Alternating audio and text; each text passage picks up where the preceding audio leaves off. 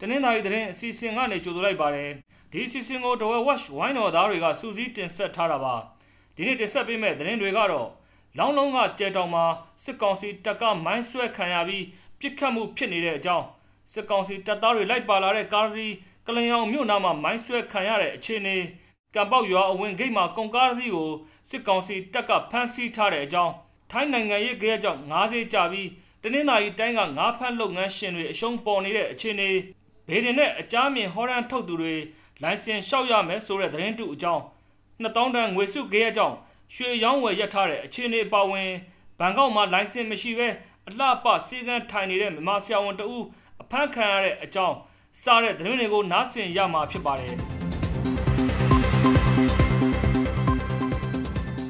လောင်လုံးမြို့နယ်ခေါင်းအင်းရွာနဲ့ညင်းမော်ရွာကြားကကျဲတောင်မှာ ဒီနေ့မွန်းလွဲ3နာရီလောက်ကစပြီးပြစ်ခတ်မှုတွေဖြစ်ပွားနေပါတယ်။မြေတဲကလေးစီးနဲ့လိုက်ပါလာတဲ့စစ်ကောင်စီတပ်ကားကိုမိုင်းဆွဲတိုက်ခိုက်လိုက်တာကြောင့်ပြစ်ခတ်မှုတွေဖြစ်နေတာလို့ဆိုပါတယ်။ဒီလိုပြစ်ခတ်မှုတွေကြောင့်အနီးဝချင်းကြေးရွာတွေကဒေသခံတွေထွက်ပြေးတိမ်းရှောင်နေကြရပါတယ်။ပြစ်ခတ်မှုအသေးစိတ်အခြေအနေကိုတော့စုံစမ်းနေဆဲဖြစ်ပါတယ်။ဇူလိုင်လ22ရက်နေ့ကကလင်အောင်မြို့ကြောက်ရှက်ရွာနာကမိုင်40ရွာမှာစစ်ကောင်စီတပ်သားတွေလိုက်ပါလာတဲ့ကြောက်တင်ကားစီမိုင်းဆွဲခံလိုက်ရပါတယ်။ မိုင်းဆွဲခံရတာကြောင့်ကား3စီးပါစစ်ကောင်စီတပ်ရင်တန်းတွေကကားစီပျက်စီးသွားတယ်လို့ဆိုပါတယ်။မိုင်းဆွဲခံရပြီးချိန်မှာတော့စစ်ကောင်စီတပ်ကပစ်ခတ်တာကြောင့်အရတားတအုပ်ဒဏ်ရာရလို့စေယုံတင်လိုက်ရတယ်လို့သိရပါတယ်။ပြီးခဲ့တဲ့ဇွန်လတုန်းကလည်းကြောက်ရှက်ရွာနဲ့ရေပုံးရွာနာတဝိုက်မှာပြည်သူ့ကာကွယ်ရေးပူးပေါင်းအဖွဲ့တွေကစစ်ကောင်စီရင်တန်းတွေကိုသုံးချိန်ထက်မနည်းမိုင်းဆွဲတိုက်ခိုက်ခဲ့ပါသေးတယ်။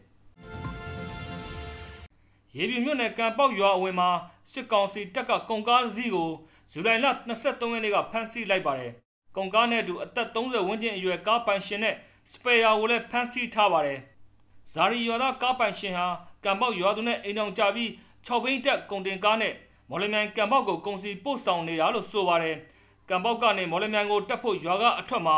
အဖမ်းခံလိုက်ရတာဖြစ်ပြီးနှစ်ဦးစလုံးကိုလက်ပြန်ကြိုးတုပ်ပြီးဒူးထောက်ခိုင်းထားတယ်လို့သိရပါတယ်။လက်တလုံးမှာတော့ကုန်တင်ကားကိုကံပေါက်နယ်မြေရဲစခန်းမှာရပ်ထားပြီးကားပိုင်ရှင်နဲ့စပယ်ယာကိုတော့ ဘယ်နေရာမှာဖမ်းထားတယ်ဆိုတာတော့မသိရသေးပါဘူး။စစ်ကောင်စီတပ်ကကံပေါက်ရွာဝင်ဂန်းကော်တောင်ရက်ကွက်မှာ၃နေရာခွဲပြီးစစ်ဆေးနေတာလို့သိရပါတယ်။ထိုင်းနိုင်ငံရဲ့ကြေးကြောင့်ငါးစီးထက်ဝက်လောက်ထိုးကျသွားပြီးတနင်္သာရီတိုင်းတွေကငါးလုပ်ငန်းရှင်တွေအရှုံးပေါ်နေကြပါတယ်။ထိုင်းနိုင်ငံရဲ့အကြက်တဲကြောင့်မြန်မာပြည်ကတင်ပို့နေတဲ့ငါးတွေကိုထိုင်းဝက်လက်တွေက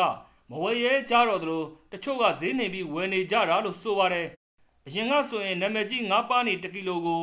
ဘတ်220လောက်ဈေးပေါက်နေရကနေလက်ရှိမှာတော့ဘတ်90အထိဈေးထိုးကျသွားတယ်လို့သိရပါတယ်။တခြားငါးတွေလည်းဘတ်100ကနေဘတ်60လောက်ထိဈေးကျသွားတယ်လို့သိရပါတယ်။တနင်္သာရီတိုင်းမှာကံဝေးငါးဖန့်လေ1500ကျော်နဲ့ကန်းနီးလေတောင်းချီရှိနေတာပါ။ဒေရနဲ့အကြမ်းမြင်ဟော့ဂင်ထုတ်သူတွေလိုင်စင်လျှောက်ရမယ်ဆိုတဲ့အမိန့်စာကအတုဖြစ်တယ်လို့စစ်ကောင်စီရဲ့တာသနာရေးဦးစီးဌာနကဒီနေ့ထုတ်ပြန်ထားပါတယ်။ဘေရင်နဲ့အကြမ်းမြင်ဟော်ရန်ထုတ်တာကို ကန့်တက်တဲ့အမိန့်ဆိုတဲ့စာတစောင်းမနေ့ကနေဆွဲနဲ့လူမှုကွန်ရက်မှာပြန့်နှံ့နေတာပါ။လိုင်စင်မလျှောက်ဖက်ဘေရင်နဲ့အကြမ်းမြင်ဟော်ရန်ထုတ်သူတွေကိုအရေးယူမယ်လို့အဲ့ဒီစာမှာရေးသားထားတာပါ။2000ကျပ်တန်ငွေဆက်ကိုတစ်ထုတ်မယ်လို့စစ်ကောင်စီကကြေညာပြီးနောက်မှာတော့ရွှေရောင်းဝယ်ရက်တန့်သွားပြီးထိုင်းဘက်ဈေးလည်းထုတ်တက်သွားပါတယ်။လက်ရှိမှာတော့ရွှေတစ်ကြက်သားကိုကျပ်35သိန်းနဲ့ဈေးဖွင့်ထားပေမဲ့ရွှေတိုင်းတွေကတော့အယောင်ပိတ်ထားကြတာပါ။ငွေဆက်ကိုသတင်းမထွက်ခင်ကတော့အခောက်ရွှေတစ်ကြက်သားကို 32သိန်း6000ကျပ်ဝန်းကျင်နဲ့ရောင်းချနေကြတာပါ။ထိုင်းဘက်ဈေးလည်းထုတ်တက်နေပြီးထိုင်းငွေတစ်ပတ်ကို64ကျပ်ဆွန်းဆွန်းပေါက်နေပေမဲ့အချိန်နဲ့အမျှဈေးနှုန်းပြောင်းလဲနေပါတယ်။ထိုင်းဘက်ဈေးထုတ်တက်သွားတဲ့အတွက်ဗတ်ရောင်းသူမရှိသလောက်ဖြစ်နေတယ်လို့သိရပါတယ်။ကျန်2000တန်ငွေဆက်ကူအစ်စ်ကိုယခုလောက်ကုန်မှစပြီးထုတ်ဝေဖြန့်ချိမယ်လို့စစ်ကောင်စီကထုတ်ပြန်ထားတာပါ။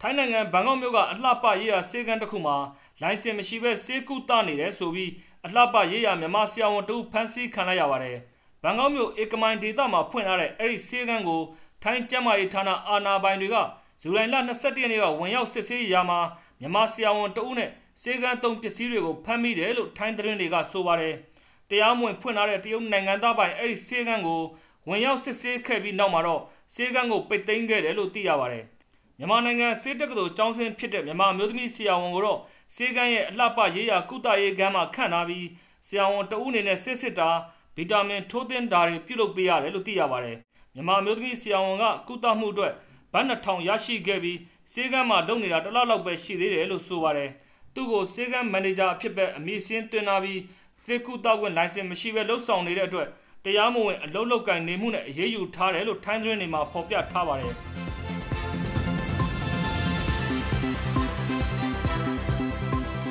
လိုနားဆင်ပေးတဲ့အတွက်ကျေးဇူးအထူးတင်ရှိပါတယ်မြန်မာနိုင်ငံသူနိုင်ငံသားများကပ်ဘေးအပေါင်းကနေအမြန်ဆုံးလွတ်မြောက်ပါစေလို့ဒဝဲဝက်ဝိုင်းတော်သားများကစုမုံကောင်းတောင်းအပ်ပါတယ်ခင်ဗျာ